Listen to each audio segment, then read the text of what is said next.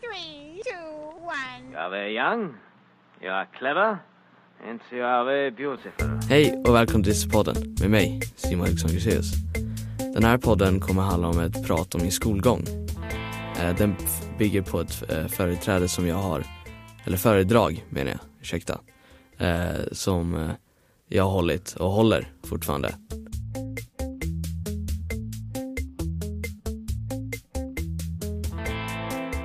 Det började med att mina föräldrar frågade om min brorsa hade en dyslexidiagnos. De visste inte vad det var än, men de såg eh, mycket att de hade läst på om det. Men, och de såg lite att det David, alltså min brorsa, det han har, det är lite som dyslexi vad det står där. Så mina föräldrar tog en kontakt med eh, rektorn och lärarna som min brorsa hade. Och lärarna sa nej, David har ingen diagnos alls. Han har ingen dyslexidiagnos. Men mina föräldrar var väldigt osäkra på vad de sa. Så de sökte hjälp ensamma till en, till en logoped utanför skolan. Och det visade sig att min brorsa hade det. Min brorsa då fick en dator med mina föräldrar. För, lär, för skolan var, de hållde i att, och fortfarande sa att vi kommer inte ge någon hjälp för du sökte inte hjälp hos oss. Men han skulle ändå inte få någon hjälp, för de tyckte inte han hade någon dyslexidiagnos. Och jag blev så fascinerad av den här datorn. Så när jag hörde att jag kanske också har dyslexi, när vi frågade lärarna, så ville jag, hopp, så hoppades jag på att jag hade dyslexi, bara för att få den här datorn. När jag säger att jag hoppades på att få dyslexi, så hoppades jag verkligen, jag ville ha en dator och jag tror det är grunden för att jag också är väldigt intresserad av datorer nu för tiden. Ehm, och samma sak där, att vi frågade lärarna och de sa nej. Men vi gick eh, förbi dem och pratade med en logoped. Och det visade sig att jag hade det. Och så fick jag min dator. Och jag var glad som attan. Men sen, sen när jag kom hem så började gråta efter allt. Och jag vet inte varför och jag tror jag vet inte varför fortfarande. Jag har tänkt på det mycket men det kanske var att jag såg att, eller att jag tänkte att jag är inte dum i huvudet. Att jag är egentligen smart. Men det är den här diagnosen som håller mig fast. Men redan när jag började skolan så fick jag ingen hjälp av lärarna. Eh, Även om jag hade dyslexidiagnos och de visste om det. Eh, De, de ville inte hjälpa mig, de sa att jag behövde läsa, jag fick inte lyssna på böcker. Eh, Och det, det, det var jättejobbigt i skolan ett tag. Och det här är, det här var, jag bytte skola sen. När jag slutade trean. Den här skolan var så mycket bättre. Jag fick muntliga prov, jag fick min egen dator där. Eh, Jag fick lyssna på böcker.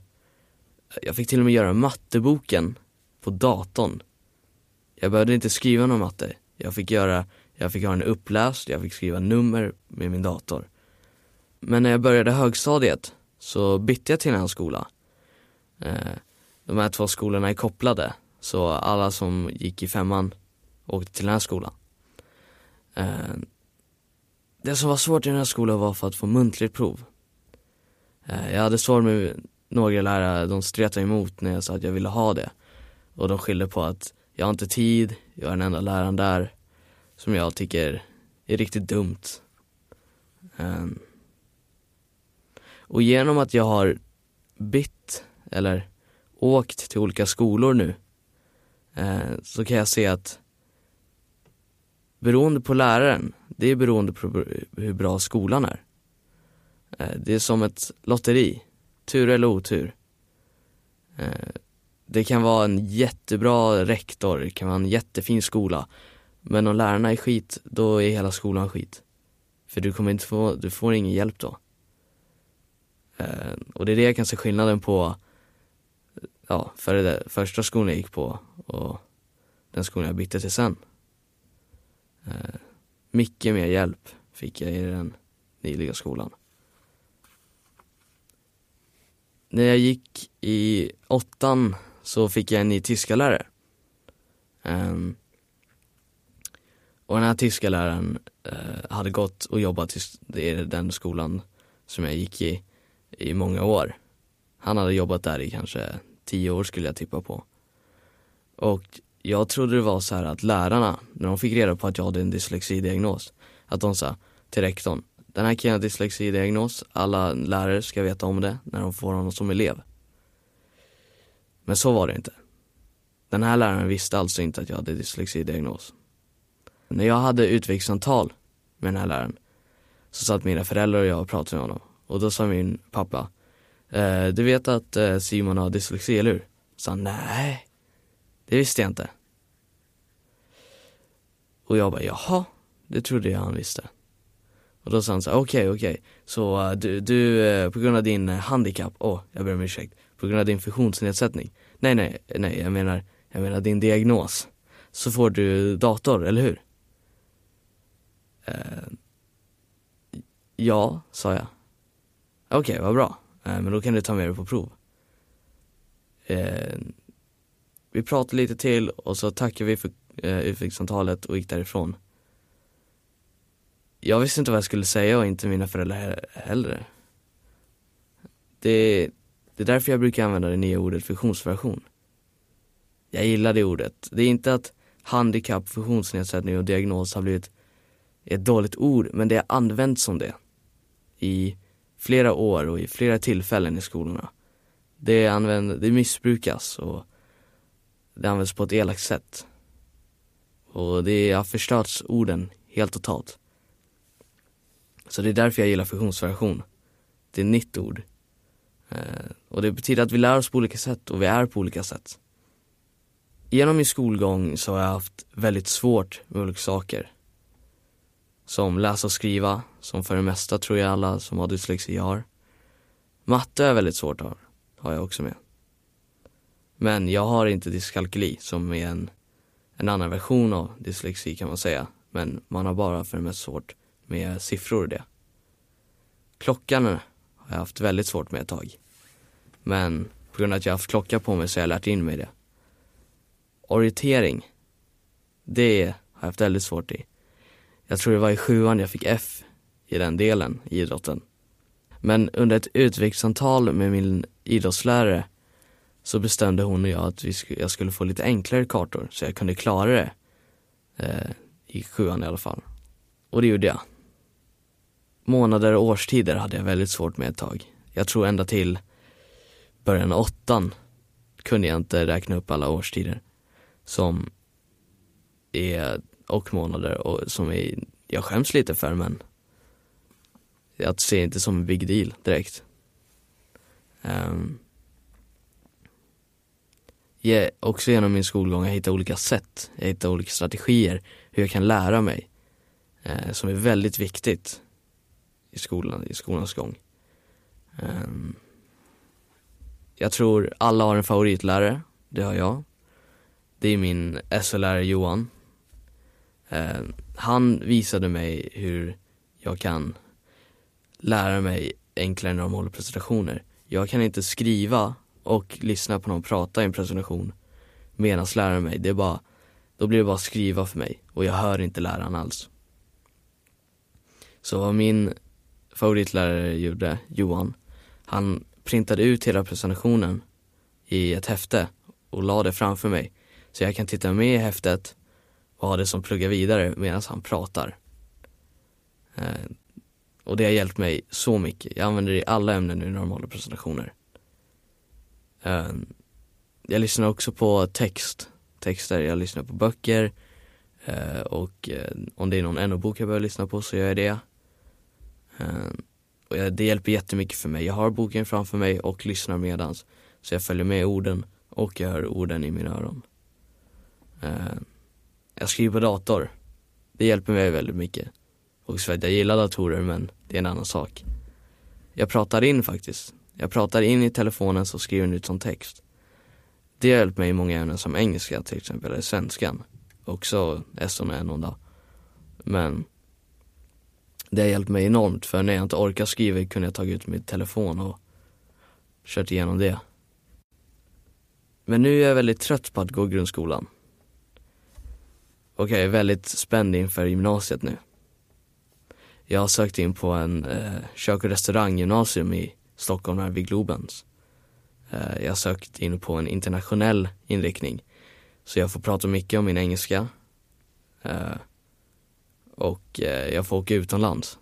En av de ämnena som jag inte är svårt i alls. Men jag tror det är för att vid en väldigt ung ålder så satt jag och spelade en konsol som heter Gameboy. Som nu har utvecklats till Nintendo och Nintendo Switch. Så jag tror många vet om. Eh, jag kommer ihåg, jag körde Pokémon och flera olika andra spel och så körde jag Yu-Gi-Oh kortspel med min brorsa. Och alla de här sakerna hade engelska. Jag har också tagit mopedkörkort som jag var väldigt rädd för. Jag trodde inte jag skulle klara det alls men jag klarade det. Och jag är, jag är helt, jag är ursinnigt glad över det. Och jag tror det var en stor del av det, att varför jag klarade det, var att jag fick lyssna på provet, på frågorna. Och det får alla göra, även om man inte har dyslexi eller om man inte har någon diagnos. Alla får göra det. Och det har hjälpt mig jättemycket. Jag har också sökt sommarjobb. Eh, jag sökte restauranger. På den restaurangen som jag valt så får jag laga mat, of course kommer jag stå i disken. Eh, jag får grilla, jag får göra massor med olika saker. Som jag är väldigt glad över. När jag tittar tillbaka på grundskolan så är det väldigt skönt att jag kan sluta den nu. För of course, det har varit roligt hängt med vännerna men det har varit riktigt jobbigt i skolan. Och jag känner att dyslexi är ingen superkraft. Det är inte någonting som jag kan flyga med. Det är inte någonting som lyfter mig. Det är någonting jag har sänkt mig. Men jag har hittat sätt att gå runt den. I slutet av åttan så blev jag väldigt trött. Jag orkade inte, jag gjorde inte mycket på lektionerna. Jag fick mycket butiksvarningar. Jag gick ut från lektioner. Um, och jag skäms lite för det, för jag har aldrig varit en sån person som har gjort det. Jag stretade emot Eh, på grund av att jag var trött.